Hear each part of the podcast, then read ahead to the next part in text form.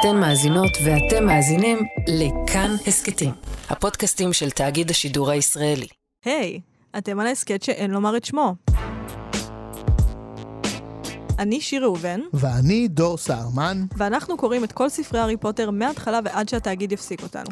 והיום אנחנו קוראים את פרקים 28 ו-29, מנוסת הנסיך וקינת עוף החול. כן, ואנחנו נתחיל מלקרוא ממנוסת הנסיך. בהצלחה. פניו החיוורים של סנייפ מוארים באור הבקתה הבוערת וצפו תיעוב בדיוק כמו ברגע שבו קילל את דמבלדור. אתה מעז להשתמש בלחשים שלי נגדי, פוטר? אני זה שהמציא אותם. אני, הנסיך חצוי הדם. ואתה מעז להפנות את ההמצאות שלי נגדי כמו אביך המסריח? זה לא מקובל עליי. לא. הארי זינק לתפוס את השרביט שלו, סנייפ כיוון לחש לשרביט והוא עף כמה מטרים לאחור ונבלע בחשיכה. אז תהרוג אותי, התנשף הארי, שלא חש שום פחד, רק זעם ובוז. תהרוג אותי כמו שהרגת אותו, פחדן שכמוך. אל! צרח סנייפ, ופניו נראו מוטרפים, לא אנושיים, כאילו הוא מתייסר כמו הכלב המייבב והמיילל הלכוד בבית הבוער מאחוריו. תקרא לי פחדן. וואו, איזה מפחיד. איזה איש דפוק. לא יודעת, לא יודעת. יש משהו, זה מצחיק שהפנים, שהוא אומר שהפנים שלו נראו לא אנושיים, כי זה נשמע כמו רגע מאוד אנושי.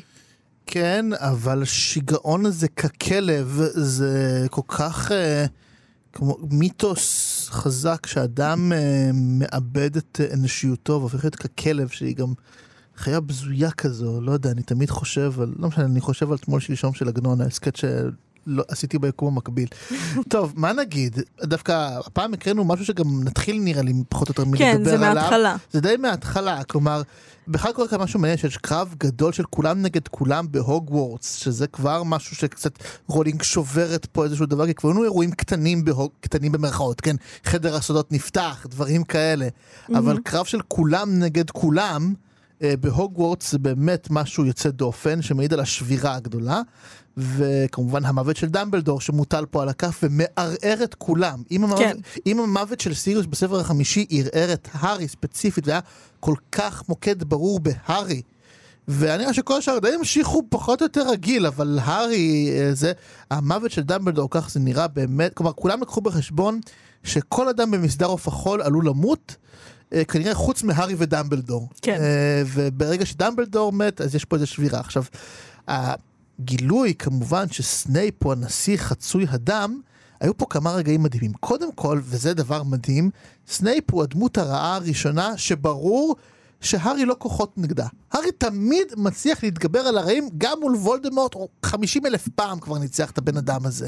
לא ניצח, אבל לא הצליח לברוח. אבל הצליח לברוח והצליח לעצור אותו. מאיזה, ולו חלקית מאיזושהי בחינה, או הצליח לברוח, כן, אני מסכים איתך שבספר הרביעי קשה לדבר על, על ניצוח, אבל הוא, הוא מנע מהתוכנית שלו להתגשם במלואה, בסופו של דבר. ו, וזה גם, גם אם הוא לא הצליח לגמרי, זה היה מאוד ברור שלהארי יש יכולות שמאפשרות לו להתמודד מולם. בין אם זה יכולות שלו, או פשוט הגנה קסומה. עכשיו, מה לעשות שפה להארי אין אף הגנה קסומה נגד סנייפ בסופו של דבר, מה שגורם לזה שסנייפ פשוט מעיף את כל הקללות של הארי פוטר בלי בעיה בכלל. אה, ממש זה הרגיש לי כמו שפוליקר שר על הצל שלי ואני יצאנו לדרך. סנייפ הוא כמו צל של אה, הארי שפשוט יודע כל הזמן לצפות את הצעדים שלו. עכשיו, לצד זה שההבנה שסנייפ הוא הנסיך חצוי הדם ולכן הוא זה שליווה את הארי כל השנה האחרונה והוא זה שקשור בהארי והוא דמות האב של הארי ולכן גם כאילו ברור למה הוא יודע לצפות את כל המהלכים שלו בסופו של דבר. בסצנה הזו גם מה שבלט אפרופו הפרקים מהשבוע שעבר, שזה שסנייפ הוא עדיין המורה של הארי. שימי לב מה סנייפ אומר לו, לצד כל ההתגרות והעלבויות והטירוף, הוא אומר לו, אתה לא תצליח לנצח אותי כל עוד לא תלמד לאטום את המחשבות שלך. איזה אויב יגיד לך, אתה לא תנצח אותי, אלא אם תלמד לעשות x, y, z. הוא אומר לו, אתה, אתה יכול לנצח אותי, אתה פשוט תלמיד גרוע. אתה כאילו לא למדת את מה שאני ניסיתי ללמד אותך כל השנה שעברה. Mm-hmm. אני מנסה להיות המורה שלך, אני מנסה ל- ללמוד אותך ליישם דברים, אתה נכשלת, ועכשיו, הארי פוטר, אתה תשלם את המחיר, יש לך אסטרטגיה אחרת משלי, והאסטרטגיה הזו לא שווה כלום, ולכן אתה תפסיד. עכשיו, וגם מה שמאוד בולט פה זה עד כמה הארי... כל כך נואש לתקוף את סנייפ. עכשיו צריך לזכור שהארי תקף את סנייפ גם בספר השלישי, בסוף הספר השלישי הוא עשה נכון. את זה, וגם עכשיו מאוד ברור שהוא רוצה לתקוף אותו. סנייפ לא רוצה לתקוף את הארי. זה מעניין. כלומר, גם פה, כלומר, הארי מפרש את זה כמובן כפחדנות. ואולי נגלה כל מיני דברים, אבל דבר אחד ברור, סנייפ לא רוצה לתקוף את הארי עכשיו. תהא הסיבה אשר תהיה. וזה כאילו מרגיש, כאילו באופן מאוד מעוות, סנייפ כן מנסה לתפקד בו באמת כמו איזה מין סוג של דמות אב, או דמות מחנך, פשוט מחנך ממש ממש ממש גרוע. אבל הוא עדיין שם, הוא עדיין איפשהו משחק על המשבצות האלה, ו... אבל עם כל כך הרבה רעל שוולדמורט הוא האחראי הגדול עליו בסופו של דבר, שנוצרת פה מין תמונת מראה מעוותת עם איזשהו בסיס שלא הלך לאיבוד. אני כל כך מסכימה איתך. תודה. זה, זה מאוד מפחיד גם. זה מאוד מפחיד. זה פשוט אה, רגעים של אימה. אני חושבת שזה מעניין שהארי רץ אחרי סנייפ כדי לנקום בו. בדיוק כמו אחרי המוות של סיריוס בעצם, הוא רוצה לנקום את המוות של דמבלדור. עכשיו, זה בוודאי לא משהו שמלפוי היה עושה, מסכן את עצמו ככה, וזה גם לא דבר שסנייפ היה עושה. בהארי יש משהו מאוד לא מחושב באזורים האלה. יש משהו מאוד uh, מרגיע ביציאה הזאת לפעולה, כי היא מונעת ממך בעצם להתייחד עם האובדן. היא נותנת לך אשליה של שליטה על הסיטואציה, כי נקמה היא סוג של אשליה, של שליטה. פגעו בך, האירוע נגמר, הפגיעה ישנה, ואתה אומר, האירוע לא נגמר, והוא בוודאי לא נגמר בהפסד שלי, או בכאב שלי, אני פותח כאן עוד מערכה של הכל או כלום עם נקמה. בגלל זה אני שונאת נקמה, אגב, אני חושבת שזה מפגר, ו... אבל באותם Hmm. רגעים הארי היה צריך את זה, כמו עם סיריוס. הוא לא היה מסוגל להיות עם האובדן הזה. האובדן הזה כל כך גדול, ויש משהו במחשבה של לנקום בסנייפ או לנקום בבלטריקס לסטריינג' שמסדר את זה, שהופך אותך לאקטיבי, אני עושה משהו, אני לא פשוט יושב עם העצב שלי. וזה לא משנה שהוא אחד והם ארבעה אוכלי מוות, הוא עדיין רץ לשם כי האיום שהוא מרגיש מהאובדן, שהוא הרגע חווה בעצם, הוא הרבה יותר גדול מהאיום של אוכלי המוות האלה עליו. עכשיו, יש רגע יפה ואירוני, שהארי קורא לסנייפ פחדן, וסנייפ עונה לו שאבא של הארי אף פעם לא תקף אותו אם הם לא היו ארבעה לאחד. נכון. אתם ארבעה לאחד עכשיו, סנייפ, ואתה אפילו לא מסוגל לראות את זה, מרוב שהוא עיוור מהפגיעה של העבר. מרוב שהוא לא מסוגל לראות את הארי כהארי. אחר כך הארי מנסה על סנייפ את הלחשים של הנסיך, מה שבעצם הקראנו, ודיברנו פה על דמות אב. הנה הנסיך נחלץ לעזרתו של הארי שוב, הוא יודע מה הלחשים האלה עושים, והוא הולך להפעיל אותם על סנייפ. זה מה שהארי כן. חושב, אני שוב נעזר בנסיך. ואז מגיע הגילוי המהמם הזה, שסנייפ הוא הנסיך חצוי הדם. כלומר, יש לנו גם את הגילוי של סנייפ, כסנייפ הוא בעצם רע, ובמקביל לזה יש לנו את הגילוי על הנסיך חצוי הדם, שוב רפרור לספר השני. הספר הזה שאהבת, כן. כן. שנעזרת בו, שהראה לך דברים, הוא בעצם ספר רע. עכשיו, אם דיברנו על אימה, זה הרגע שבו המסכה זזה הצידה. זה הרגע שבו המסכה של סנייפ זזה הצידה בשני הכובעים. כובע ראשון הוא ככל הנראה אוכל מוות, הוא רצח את דמבלדור. כובע שני, סנייפ הוא הנסיך חצוי הדם. האדם שממנו הארי למד כל הזמן הזה. עכשיו, אם נסתכל על סנייפ ברגעים האלה, הוא מתנהג מוזר גם לאוכל מוות. לגמרי. כלומר, כל תשומת הלב שלו כולה מופנית לשני אנשים, דרקו והארי. כמו דרקו- דמבלדור. נכון. את דרקו הוא מאוד מאוד דואג ללוות החוצה מהאירוע הוא אומר לצאת, עכשיו הוא יוצא איתו, הוא בורח איתו. סנייפ הוא הפטרונוס של מאלפוי, הוא לא נותן לו להיפגע. בן אדם שני שסנייפ מקדיש לו את כל תשומת הלב זה הארי פוטר. הוא חוסם את הקללות שלו, אבל קורים שם עוד שני דברים מעניינים. דבר ראשון, סנייפ לא מאפשר להארי להטיל קללה שאין עליה מחילה, והוא גם אומר את זה בצורה שהיא לא מנוכרת. שהיא יותר מהכל פטרונית. ממך לא תצא קללה שאין עליה נכון. מחילה. והוא גם לא נותן לאוכלי המוות להטיל עליו קללה שאין עליה מחילה. כלומר, זה די נשמע כאילו הטילו על הארי קרושיו באיזשהו שלב. כן. אה, והוא אומר להם, אסור לנו לגעת בו, הוא של וולדמורט. אבל אף אחד לא בא להרוג את הארי, רק הטילו עליו קללה וסנייפ הציל אותו מהקללה הזאת. עכשיו, דבר שני, סנייפ אומר להארי, אני אחסום אותך שוב ושוב עד שתלמד לחסום את המחשבות שלך, שזה דבר שהתייחסת אליו, שהוא עדיין רואה בעצמו אה, מורה. של הארי, בסופו של דבר. זה עדיין חלק מהתפקיד שלו.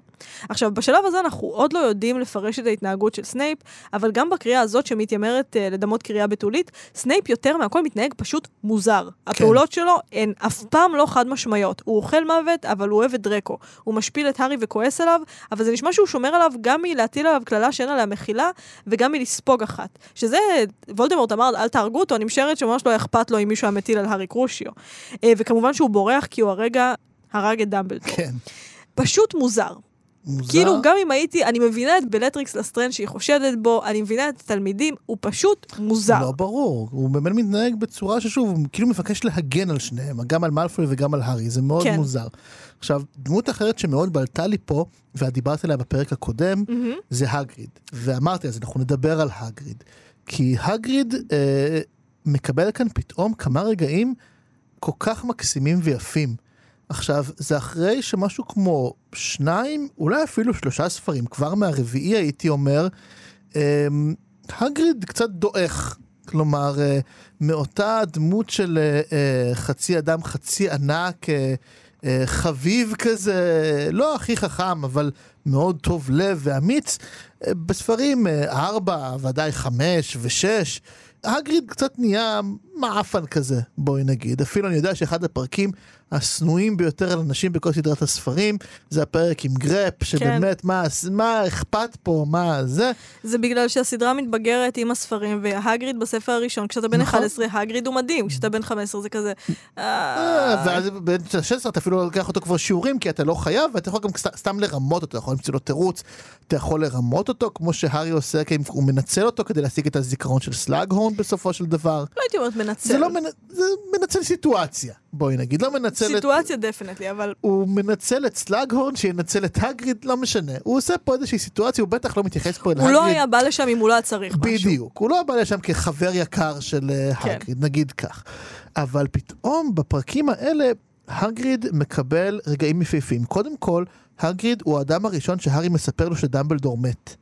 ויש פה הקבלה מקסימה לזה שהגריד היה האדם הראשון שסיפר להארי שהוא קוסם וגם סיפר לו על דמבלדור ועל וולדמורט. וגם סיפר לו שההורים שלו מתים, והנה נכון, הארי מספר לו שאבא שלו סוג של מת. נכון, ואת מובילה אותי כבר לפואנטה בסופו של דבר. עכשיו, זה הוביל אותי באמת אה, לחשוב הרבה, אתם, תמיד אני צועק אומר, כאילו הגרי תמיד אומר כן, דמבלדור כבודו, את דיברת על זה, שזה השלבים שבהם הוא נעשה אלים, כן. כשכאילו מבזים את הכבוד של דמבלדור. אבל באמת, אני אגיד פשוט, יש כבוד אדיר שדמבלדור נותן להגריד לגמרי. תמיד. והיחס ביניהם נותן הרבה מאוד מקום להגריד. גם אגב, זה לא סתם שאחר כך הגריד הוא זה שמזיז את הגופה של דמבלדור, זה לא סתם שמגונגל מצרפת את הגריד לשיחה של ראשי הבתים, כן, היא לא מצרפת אף מורה mm-hmm. חיצוני אחר בסופו של דבר. והוא כאמור הראשון גם לשמוע שדמבלדור אה, נהרג.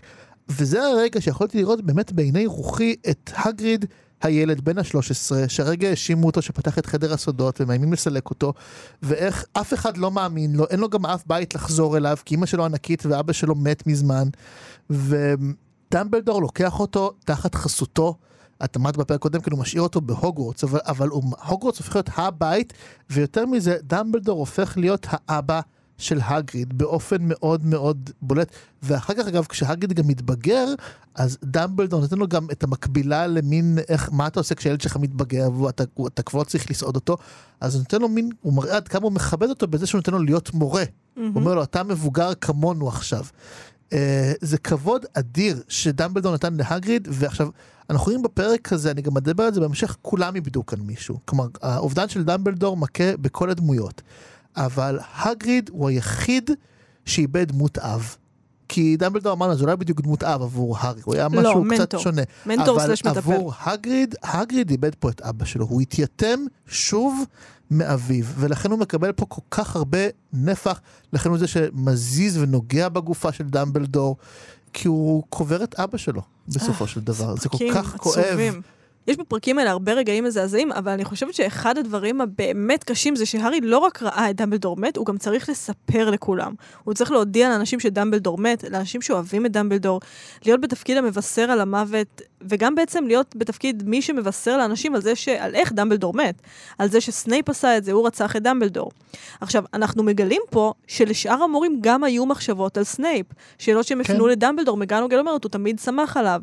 אז מעבר לכאב על זה שסנייפ בגד בדמבלדור, אני חושבת שיש כאן גם כאב על זה שדמבלדור טעה בזיהוי בסוף. כן. כלומר, המוות של דמבלדור כאן הוא לא רק המוות הפיזי שלו, אלא גם המוות שלו כדמות יודעת כל ש... כנראה שכולם סמכו עליה. גם לשאר המורים היו ספקות, אבל המילה של דמבלדור הרגיעה אותם. והנה כולם חווים את השבר הזה גם מול הדמות של דמבלדור עצמו, של דמבלדור לא רק מת, נרצח, הוא גם...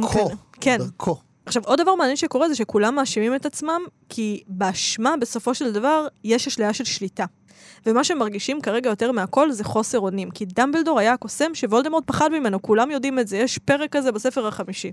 זה כמו בשח, אני לא יודעת למה יש לי רק אנלוגיות לשח בפרקים האלה, אבל שלריב שלך יש מלכה, וגם לך יש מלכה, הכל טוב, בסדר. ואז מורידים לך את המלכה, מה קורה? אתה מרגיש מאוד מאוד חשוף. עכשיו, באופן טבעי, האנשים האלה, ככל הנראה חושבים, לפחות באיזושהי רמה, יש מצב שאנחנו הולכים להפסיד את הקרב הזה. יש, אה, יש סיכוי כזה שאנחנו הולכים להפסיד את זה. עכשיו, אני לא אומרת שזה לא תמיד היה על השולחן, אבל אתה שומע כמה פעמים דמבלדור מאוזכר רק בפרק הזה. אה, הגריד אומר, דמבלדור כבודו יודע לתקן את זה, מזכירים אותו בהקשר של הפציעה של ביל. דמבלדור הוא בתפקיד האדם שיסדר דברים. האדם שאפשר לסמוך עליו, שהוא שם, הוא הגיבור שלנו. וברגע שלא רק שהוא איננו, הוא גם נרצח על ידי הצד השני, הפגיעות כל כך קשה שאתה נאלץ לקושש כוח איפה שאתה יכול. ומנגנון האשמה הוא מנגנון שמציל אותך מחוסר האונים הזה. אתה הרי לא מסוגל לנסח את המחשבה המפחידה, אוקיי, אנחנו מאוד חלשים, זה רק אנחנו פה עכשיו, אין דמבלדור, ויש מצב שהם פשוט יהרגו את כולנו אחד-אחד עד שהם ינצחו, כי אז אין למה לקום בבוקר. זאת מחשבה שהיא פשוט מאיימת, זה כמו שאם אנחנו נדע כל יום שאנחנו נמות, זה, זה, כן, זה דבר שאתה מדחיק, זה דבר שאתה לא, אתה חושב, כן, אבל אני לא. אני אישית פשוט לא. אבל האשמה בעצם אומרת, אנחנו כל כך חזקים שהיה לנו חלק בדבר הזה. אנחנו כל כך חזקים שאם רק הייתי חושבת על זה שסנייפ אה, שיתק את פליטיק, אני הייתי יכולה להציל את דמבלדור. לא הרמיוני את לא, כי הוא סנייפ, הוא היה משתק גם כן. אותך, והוא הרבה יותר חזק ממך אם היית מנסה לעמוד בדרכו. כנ"ל על כל טיעון שהוא עלה שם. אבל אני חושבת שלקיחת האשמה הקולקטיבית הזאת רק מתארת רגש קולקטיבי אחר. כי אשמה, כמו שאמרתי פה כבר פעם, זה לא רגש אמיתי, זה לא בצבעי היסוד של הרגשות. זו פשוט הסוואה למשהו שאי אפשר להרגיש. להרגיש באותו רגע. וכאן כולם צריכים להסוות משהו, וזה את הפחד שלהם. מה שבעצם מעיד על הבור המאוד מאוד עמוק שנפער בכל מי שהתחיל להאשים את עצמו. זה בעצם, אנחנו רואים שאותו מנגנון מופעל בכולם, בגלל שאותו רגש, שהוא כן מצבעי היסוד, מופעל בכולם. אני מסכים מאוד, ולא רק זה, גם לי יש נקודה שקשורה בעצם לאשמה קדימה. שלהם, אבל זה לא רק זה, כי בעצם שני דברים גדולים קרו כאן מיד אחרי השני, ואנחנו גם רואים את המענה אליהם. הראשון זה באמת הפנים המרוטשות של ביל. וואו. שהן סמל לאימה מזוקקת. עכשיו, מה שאגב מעניין פה, שאם עד כה אנשי הזאב ואיך שלופין מתאר אותם זה מין, דיברנו על זה גם נראה לי בספר השלישי, אה, על התפקיד ההיסטורי של אנשי הזאב, ובימי הביניים מין אנשים מנודים כאלה, שסימנו אותם ככאלה. גרייבק פה פועל בתור, אה, לא איש זאב מהמיתוסים של ימי הביניים, זה איש זאב מסרטי האימה המודרניים. כלומר, הוא בא ונושך, זה, זה כמו סרטי סלאשרים אפילו, במובן מסוים. נכון. בסופו של דבר. הוא קניבל, ולכן הוא מפר את הטאבו האנושי הגדול ביותר. לא יודעת אם הוא קניבל, כי אני לא יודעת אם הוא בן אדם. לא רוצה... אבל אה, הוא. הוא נושך את ביל בצורתו האנושית, הם מדגישים את זה שוב 아, אה, ושוב. נכון. ש... ולכן זה מזעזע אגב הרבה יותר, לכן כולם מזועזעים כל כך. כי זה היה בשליטה. כי, הוא, כי זה היה בשליטה מלאה, וברור שברגע שהוא עושה את זה כבן אדם, יש בזה גם אמירה. כן, שהוא מפר את טאבו, כן, בני אדם לא אוכלים בני אדם אחרים. נכון. הם, הם, הם, הם אולי רוצחים, הם אולי הורגים, גם המוות הוא סוג של טאבו, אבל לאכול בן אדם אחר זה דבר נוראי, ולא סתם אנחנו רואים שאין אף קסם שיכול לטפל בזה. יש קסמים שיכולים אה, לטפל בנשיכות של אנשי זאב. Uh, אנחנו רואים כן שיש למשל את, ה, את ה, אותו שיקוי שסנייפ uh, לקח ללופין באמת כדי להפוך אותו לאיש זאב רגוע יותר כשהוא זאבי. אה, בסופו של דבר. יש איך לטפל בדברים קסומים עם קסמים. מה שגרבק עשה לא קשור משום בחינה לעולם של קסמים. זה פשוט אדם שבא ונושך, זה חניבל לקטר. כאילו בואי נדבר על זה, זה חניבל לקטר. אף קסם לא יעזור לך נגד חניבל לקטר. ודיברתי בפרק קודם על סרטי אימה מוצלחים, לא סתם שתיקת הכבשים זה סרט אימה, אולי סרט האימה הטוב ביותר שאני מכיר באופן אישי. כי הוא נוגע בטאבו אנושי כל כך נורא, שאף קסם לא יכול אה, לפתור אותו. אני כמובן אוהבת יותר את ההמשך דרקון אדום, כי הוא על פסיכולוגיה. אוי, זה נורא, אני שונא דרקון אדום. סרט, טוב, האמת לא ראיתי אותו מגיל 17. אולי זה לא טוב. עכשיו... אה, אבל אני זוכרת שאהבתי לא, אותו. לא, זה בסדר גמור. עכשיו הדבר השני זה באמת אותם רגשי האשמה הנוראים שכולם מרגישים באמת. זה, שזה אגב גם רגע מקסים כי אנחנו רואים איך uh, הארי מרגיש גם נורא שם על המוות של סיריוס. אה, בספר החמישי, ופה כולם מרגישים אשמים על המוות של דמבלדור. ממש כל אחד מסביר, מגונגון אומרת, זה אשמתי, הייתי צריך לקחת, רון אומר, הרמיוני אומרת, רגע, מדהים, ואני מסכים איתך בנוגע לניתוח שעשית לזה. אה, אני רק אומר שזה התחבר לי דווקא עם הריטוש של ביל, כי כאילו הייתה תחושה פה של כל כך הרבה גבולות נוראים נחצו. Mm-hmm. איזה קסם יכול לתת מענה לדבר הזה? והתשובה היא שאף קסם. המענה אה, הוא תמיד, תמיד, תמיד אה, אחריות ואהבה. זה בסוף מה שפותר את זה. אמ, מה שפותר את תחושת האשמה זה שהארי וגם לופין אגב, ממש עושים סדר ומסבירים גם לכולם למה הם לא אשמים בסופו של דבר. אה, מה שפותר את כל עניין אה, איש הזאב של ביל, זה גם זה שאנחנו רואים שפלר ומולי נופלות אחת על אה, צווארה של השנייה. אוי, זה היה מהמם. זה היה רגע יפה. ש... הפרק, סוף הפרק הכי יפה של סברי מרנן ever. בדיוק, ממש, כולנו יהודים בסופו של דבר. זה באמת, זה הסיום הכי יפה לסרט הבורקס הזה, שיפה מאוד. והצד השני זה כמובן שאחרי זה אנחנו מבינים שטונקס ולופין בעצם בסוג של קשר. או לידי דיוק טונקס רוצה קשר עם לופין, או היא מציגה את האהבה בתור הפתרון לכל הדבר הזה. Mm-hmm. עכשיו, זה רגע מעניין שהוא גם קצת כואב, אני חושב, אבל גם מאוד יפה, כי אנחנו רואים כל הזמן הזה, הראו לנו לחשוב שטונקס הייתה מאוהבת בסיריוס. בסיריוס. בבן דודה. בב... בדיוק. כמקובל בעולם הקסמים. כמקובל, הכל בסדר. בעולם הקסמים החרדי. אבל, אבל אם נתעלם רגע מכל הסיפור של uh, צאצאים עם טיי-זקס, אז יש היגיון בזה, כי אנחנו מסתדרים שטונקס תרצה את הקונדסאי היותר חתיך, היותר מגניב, היותר פעלתן, זה כאילו גם מתאים לאופי שלה, כן? היא צעירה, נכון. ססי כזו, לא יודע איך uh, לתאר אותה בביטויים מגניבים שאני לא מכיר, אבל זה מתאים לאופי שלה. אבל לעומת זאת, מי שטונקס רוצה זה את הקונדסאי העייף, האפור, הזקן, העני, שהוא גם איש זאב, והוא בשולי החברה. אה, עכשיו, היא כל כך אוהבת אותו שהיא הופכת להיות גם קצת דומה אליו. אבל זה נראה לי דווקא מתאר אה, את זה שהיא לא מצליחה לממש את האהבה הזו. אז, אז היא מתחילה מין להידמות אליו מרוב שהיא משתוקקת אליו, שזה מאוד יפה. שלמה השיער שלה מתחיל להאפיר וכולי, כי מתוך התשוקה בסופו של דבר. זה מאוד יפה וזה מאוד לסבי. מאוד לסבי, אני מסכים איתך אה, מאוד.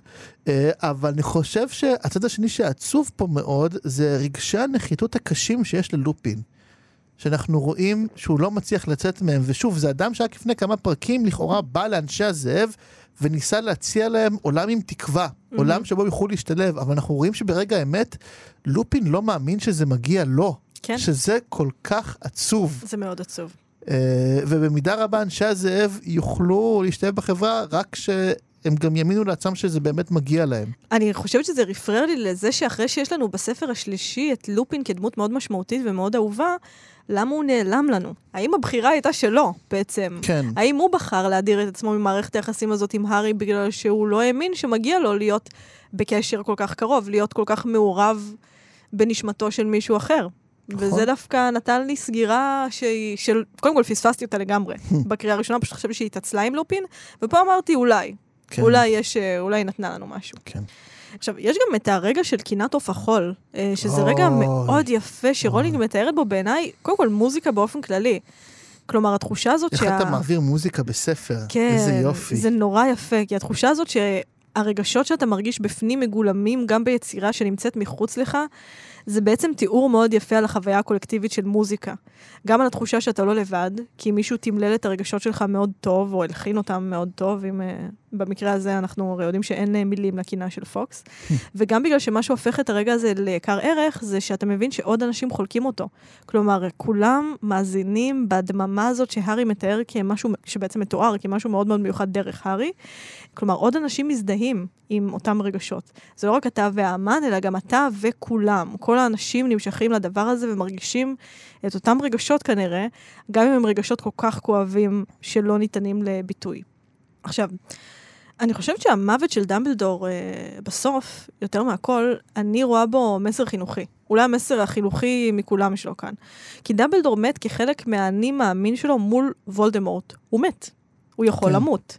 והמוות הוא באמת כואב, המוות הוא באמת עלוב. כלומר, יש משהו בתיאור של רולינג, ואני בטוחה שהיא עשתה את זה בכוונה, של איך דמבלדור שכב על הדשא אחרי שהוא נפל, איך סנייפ בגד בו. אפשר להבין את הפחד של וולדמורט, יש בזה משהו באמת מאוד עלוב, אני בכוונה משתמשת במילה הזאת. מכל הגדולה הזאת, מכל הקסמים, מכל הכריזמה, מכל הנאומים, מכל אפילו ההומור שהיה כן. בדמות הזאת, בסופו של דבר הוא נשאר ככה, ואומרים, באיברים בדוחה לא טבעית. המשקפיים עקומים, והארי מיישר לו את המשקפיים, שזה פשוט כן, נורא, הרג אותי. מדהים. ועדיין דמבלדור מת. ואפשר אפילו לומר, הוא בחר למות. אנחנו אה, נגלה מה שנגלה אולי בהמשך, נכון. אבל הרבה אנשים בעולם הקסמים בוחרים למות, כמו שתום רידל בז לאימא שלו כי היא בחרה למות, ולא להאריך את נכון. החיים שלה עם קסמים. הוא גם, אה, דמבלדור אומר את זה לדרקו, חסדיי ולא חסדיך הם שיכריעו. עכשיו, המוות של דמבלדור הוא אקורד הסיום הסימבולי של המאבק בינו לבין וולדמורט, בסופו של דבר. כי זה לא הוא שאמור להיאבק, אבל זה כן הוא שאמור לסמן את הקצה השני של הקשת שבה וולדמורט מתחיל. אה, והקצה שלו הוא סיום החיים, בלי פחד, עם שמירה על סדר עדיפויות שאולי בלעדיו הוא לא היה מת. למשל, אם הוא לא היה משתק את הארי. למשל, אם הוא היה בוחר כן להיאבק בדרקו בצורה... אני בטוחה שגם בלי שרביט, דמבלדור הוא יותר חזק. ברור, ברור. אה, ואני חושבת, אני לא, אני קצת אסייג את מה שאמרתי בהתחלה, אני לא חושבת שזה המסר החינוכי מכולם, אבל אני כן חושבת שזה אחד המסרים ה... שהוא מת אה, כחלק מת לפי מהאג'נדה. דרכו. כן. לפי דרכו, הייתי אומר בסופו של דבר. ואני חושב שזה באמת מנוגד. כלומר, התחושה בפרקים האלה, וזה הדבר שהכי בלט לי, היא באמת תחושה של אה, אובדן, של כאוס ושל משבר, שאנחנו לא יודעים איך ממשיכים מכאן, כן? גם מגונגל אומרת, אני חושב שזו מגונגל שאומרת, מורה רצח מנהל. אין לנו פרוטוקולים לדברים כן. האלה, כי בפ- בפרוטוקולי החירום של הוגוורטס לא, לא תיארנו כזה תרחיש בכלל, מרוב שזה מחריד. מה שקרה כאן, כן, אה, לא הזכרנו הרבה זמן את השואה, או, אבל זה נכון, כמו זמן. זה כמו שלאט לאט הלכה וחלחלה הבנה באופן הדרגתי, אבל uh, אותו, כן, צו של אבא קובנה שמענו בגרות, כלומר, השואה היא לא עוד פוגרום. זה לא עוד מקרה של שנאת ישראל, זה לא עוד מקרה שאנחנו ננמיך קצת את הראש, הם יפגעו בנו, ואז הם יירגעו, ובסדר, כי אנחנו כבר מכירים את הריטואל הזה בסופו של דבר.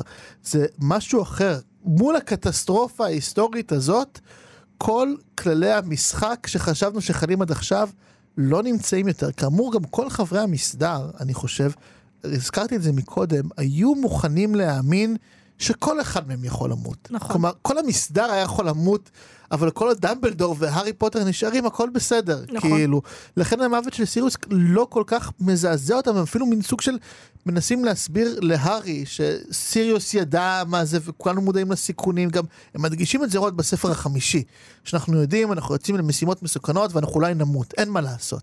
אבל אף אחד לא מוכן להניח את זה בנוגע לדמבלדור. עכשיו, נכון מאוד. האימה הכי גדולה כאן, אני חושב, אה, שמולה, אבל ניצב דווקא הדבר יפה שאמרת, האימה הגדולה, זה העובדה שוולדמורט לא נמצא כאן. את יודעת, אני קראתי את הספר הזה, ואנחנו כבר לקראת הסוף, פתאום אמרתי, רגע, איפה וולדמורט? אנחנו חושבים על הספר השלישי בתור הספר שבו וולדמורט נכון בכלל לא, לא נמצא, ובכל השאר הוא כן נוכח. וכאן הוא כאילו, הוא נוכח נפקד כזה, כי הוא תמיד אין לו סצנה, אני חושבת. אין לו, הוא מופיע בזיכרונות כן. מאוד ברור שכולם פועלים פה בשמו, מהמם. אבל במידה רבה אני חושב שמה שרולינג הצליחה לעשות כל כך טוב בפרקים האלה במיוחד, כדי כך שהשכיחה ממני את העובדה שהוא לא נמצא פה, זה שהיא גורמת לנו להרגיש קצת כמו, הייתי אומר, לא רק כמו חברי מסדר עוף אלא גם קצת כמו אוכלי המוות. וואו. וולדמורט תמיד נמצא שם. הוא כל כך עמוק בתודעה שלנו, שמבחינתנו הוא בספר הזה לכל דבר ועניין, גם אם הוא לא מופיע בו בשר ודם. ואל מול האימה הנוראית הזו, מופיעה הדרך של דמבלדור שאת ציינת, הבחירה של דמבלדור ללכת בדרך שתוביל אותו למותו בסופו של דבר. אבל הוא בחר בדרך הזו, ויש לזה כוח לא מועט, אך לעיתים לא מספק אל נכון. מול האימה בנוכחות הזו של וולדמורט שאפילו לא כאן, אבל הוא תמיד ב- מאחורי הראש שלנו. טוב, אז בזה אנחנו נסיים. בזה אנחנו נסיים. אני אה, כל פעם אה, מעלה את הטון מהרגל כשאני אומרת, טוב, בזה נסיים, אבל זה פרקים נוראים, אני צריכה להגיד את זה. ממש. טוב, אנחנו נסיים. בסדר. כן. אז בשבוע הבא אנחנו נקרא את הפרק האחרון, פרק 30, הקבר הלבן. נגמר מהר מדי. אני מרגישה כמו שהרגשתי כשקראתי את הספרים בפעם הראשונה, כשסיימתי את השישי, והייתי כזה, מה, אבל, אבל זה עוד שנייה התחלנו." נגמר, עוד שנייה הסדרה בז- נגמרת. היינו בזיכרון של וולדמורט לפני... לא, אני מתכוונת, אה, כאילו עוד שנייה סדרה נגמרת, ואני כזה, אוי, וואו, זה עבר נורא מהר, כן. כאילו הדבר הזה. טוב, אפשר להזין לנו באתר כאן ובכל אפליקציות ההסכתים, שם גם אפשר ומומלץ לדרג אותנו, דברים מדהימים קורים למי שמדרג אותנו. אה, ואחר כך אפשר גם להיכנס לקבוצה שאין לומר את שמה, ולספר לנו על זה, כדי שדור ימחוק לכם את התגובות, כי דור מנהל. את הקבוצה. אה, טוב, תודה רבה דור. תודה רבה, שיר. ואנחנו רוצים לומר תודה רבה גם לניר גורלי שהפיק אותנו ולנועם ברלכיס שערך. תודה.